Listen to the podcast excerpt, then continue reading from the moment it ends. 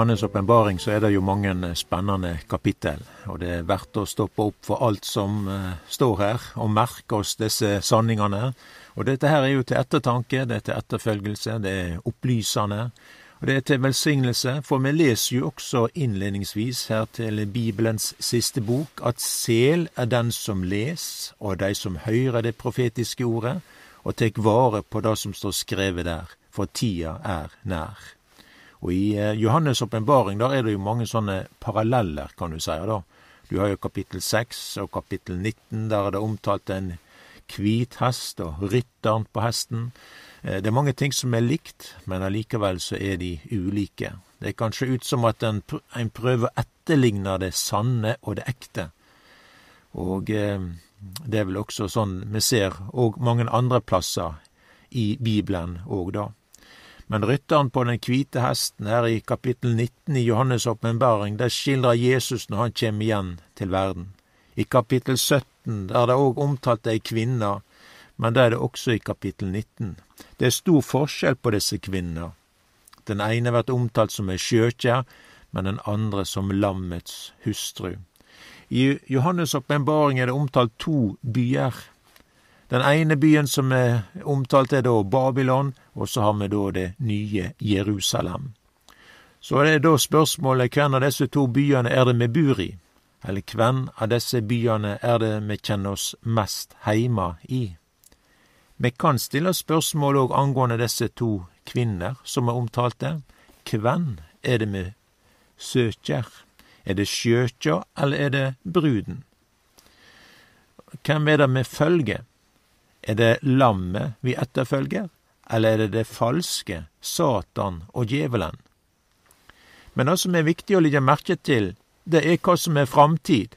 Hva er det som blir stående? Hva er det som har evighetskvaliteter? I kapittel 18 her i Johannes' åpenbaring så forsvinner byen Babylon bort. Det er det siste kapittel i Babylons historie. Babylon er byen uten framtid. Og det er åpenbaringen 18 her det står her. Og eh, de strødde støv på hoveda sine og ropa med gråt og sorg og sa, Ved, ved den store byen, der alle som har skip i sjøen har vorte rike av de dyre egenlutende hender, for på ein time er ho lagd øde. Fry deg over henne, du himmel, og det heilage, og det apostler og profeter, fordi Gud har halde dom over henne for dykk. Og en mektig engel løfte en stein, som en stor kvernstein, og kasta han i havet og sa, slik skal Babylon, den store byen, med ett verta kasta ned og aldri finnes meir. Lyden av harpespillere og songere, fløytespillere og basunblåsere skal aldri meir ja, slikt verta hørt i deg. Håndverkarar av alle slags eh, skal aldri finnast i deg meir, og det skal aldri meir høyrast lyden av kvern i deg. Ljos av lampe skal aldri meir skina i deg, røyst av brudgom og brud skal aldri meir høyrast i deg, for kjøpmennene dine var stormenn på jorda, og alle folk vart førde vilt av trolldommen din. I denne byen vart det funnet blod av profeter og heilage, og av alle dei som var vorte myrda på jorda. I denne byen så var det fest og liv, det var en handelsby. Mange busatte seg her. Gode inntekter, byen hadde stor toleranse, men det var én ting som ikke var tolerert, og det var profetene og de heilage. Og dette er jo noe som er galt i mange tilfeller. Det skal være toleranse på det meste, bare ikke det som er av sanninga. Vi ser også her at Babylon har innflytelse over heile jorda. Vi leste her at kjøpmennene var stormenn på jorda, og at folk vart førte vilt av trolldommen. Og det er jo et sterkt ord her, det er et ord for magi, besettelse eller hekseri. I denne sammenhengen så er det både det åndelige og det er de materielle. Det er noen som vart blinde av de materielle godene. I Babel var det gull og edelsteiner, det var perler og stor rikdom, Det var skipslaster med fine klær og kremer og salver. Det var vin og olje og marmor og kåper. Rikdommen kan være farlig. Den kan være trolsk. Det er ikke bare noe som eh, tar di tid, men han kan også ta ditt hjerte. Og Jesus han forteller ei ligning om såkornet. Det var jo såmannen som gikk ut for å så. Dette her er skildra i Matteusevangeliet, kapittel 13. Så står det om såkornet at noe falt mellom klunger, og klungeren vokste opp og kjøvde det. Og Jesus eh, forklarer hva dette her betyr. Det står i, da i Matteus 13 vers 22. Eh, den som vart sådd mellom klunger, er den som høyrer ordet, men suter for dei timelige og den svikefulle rikdommen kjøver ordet, så det vert uten frukt. Så Jesus sa jo også at eh, det er jo lettere for kamel å, å gå gjennom et nålauga enn for en rik å komme inn i Guds rike. Det er ikke noe gale med å være rik, men at en er våken for at det er noe som eh, kan kjøyve ordet, eller gudslivet, i en. Jesus omtalte jo det som den svikefulle rikdommen. I Babel var det rikdom, og den er omtalt som den forførende trolldommen. Men eh, Bibelen skildrer alt dette her, og eh, at det er noe som vil forsvinne. Det forsvinner fort. Babylon har ingen framtid. Det er noe her av rikdom, ja, som denne verden har å by på. Det vert ikkje stående. Når Babylon falt, så vert eh, det fort mørkt. Og eh, Bibelen bruker mørke farger når Babylon fell. Da er det heller ingen glede eller vekst i byen. Da er det heller ikke noe arbeid, og det er heller ingen som lager mat. Det er heller ikke noe lys i byen, det er et mørke. Trolldommen virker ikke mer, magien er borte. Det er heller ingen musikk eller andre ting som gir uttrykk for glede. Den eneste som, eh, ja, sangen som er der da, det er klagesangen. Det er stormennene som synger, og kongene, og det er klagesang. Over at investeringene er borte, ingen inntekter, nå er det tap. Det er fortapt. Og så leser vi òg ei liste over varene som kjøpmennene har handla og solgt i Babel. Det står menneskesjeler på den handlelista og det forteller noe om verdien på mennesket. Mennesket er ikke noe en gjør handel på. Menneskesjeler er ikke noe som du set på ei handleliste sammen med kremer og kåper og kanel og gull og edelsteiner. Det forteller noe om korleis trolldommen har tatt heilt tak og forfører mennesket. Vi ser at samfunnet i Babel, det er sjukt.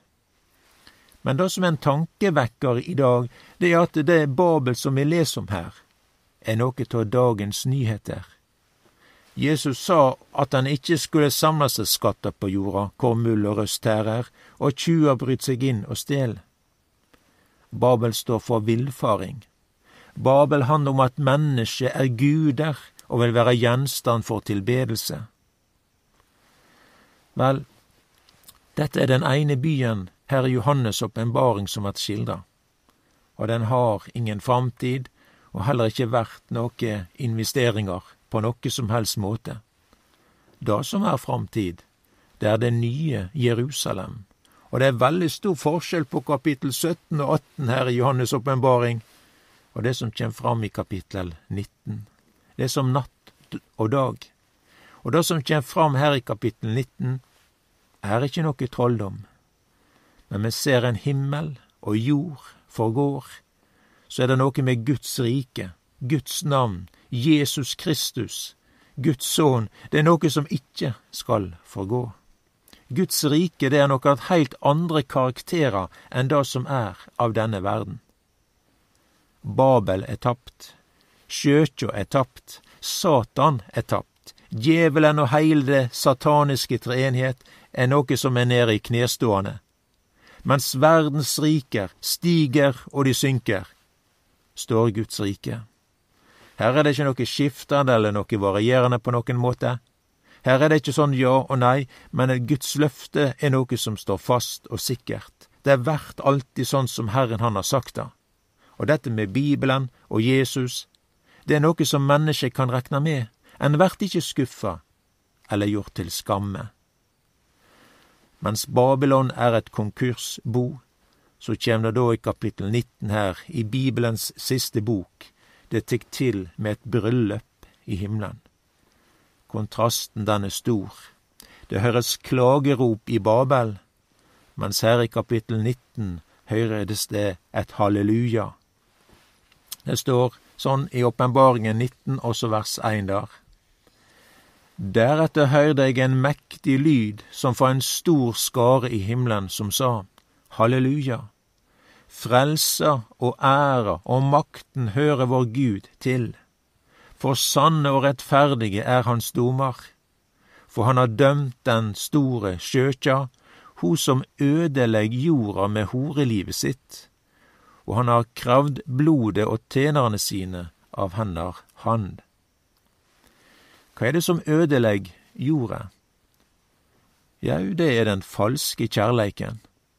En kan gjerne gjøre kjærleike handlinger, men den er ikke kjærleiken. Den falske kjærleiken, den ødelegger ei kyrkja, den ødelegger den kristne men den kan også ødelegge et samfunn. Ja, den ødelegg jorda, leste vi her.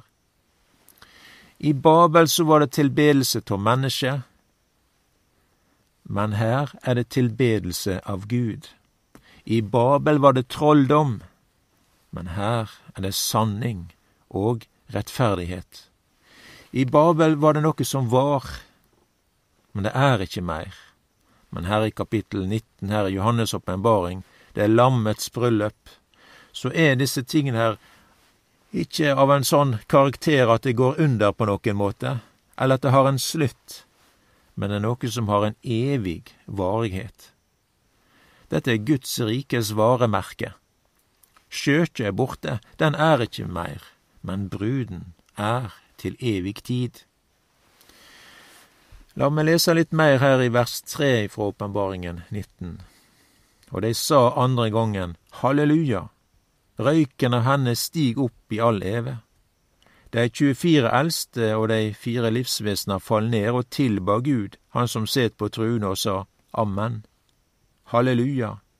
Og for truna gikk det ut ei røyst som sa Lova vår Gud, alle tjenerne hans, det som ottast han, både små og store. Og jeg hørte liksom en lyd av en stor skare, og liksom en lyd av mange vatn og som lyden av en sterk toredrønn som sa halleluja. For Gud er Herren, den allmektige, råder med kongemakt. Lat oss glede oss og fryde oss og gi Han ære, for nå skal lammet holde bryllup, og brura hans har budd seg. Det gjeve henne å kle seg i reint, skinnande fint lin, for det fine linet er de rettferdige gjerningane åt dei heilage og han sier til meg, skriv, sela dei som er bedne til bryllupsmåltid hjå lammet, og han sier til meg, dette er Guds sanne ord.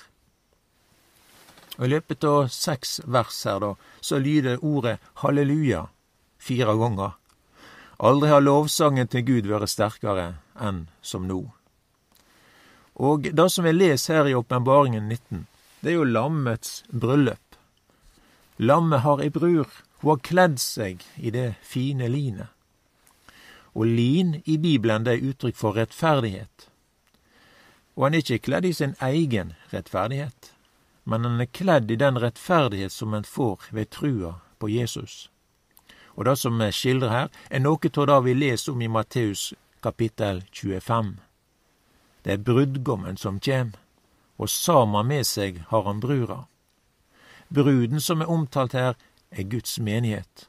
Apostelen Paulus sier noe om at han har trulova oss med ein mann for å stille ei rein møy framfor Kristus.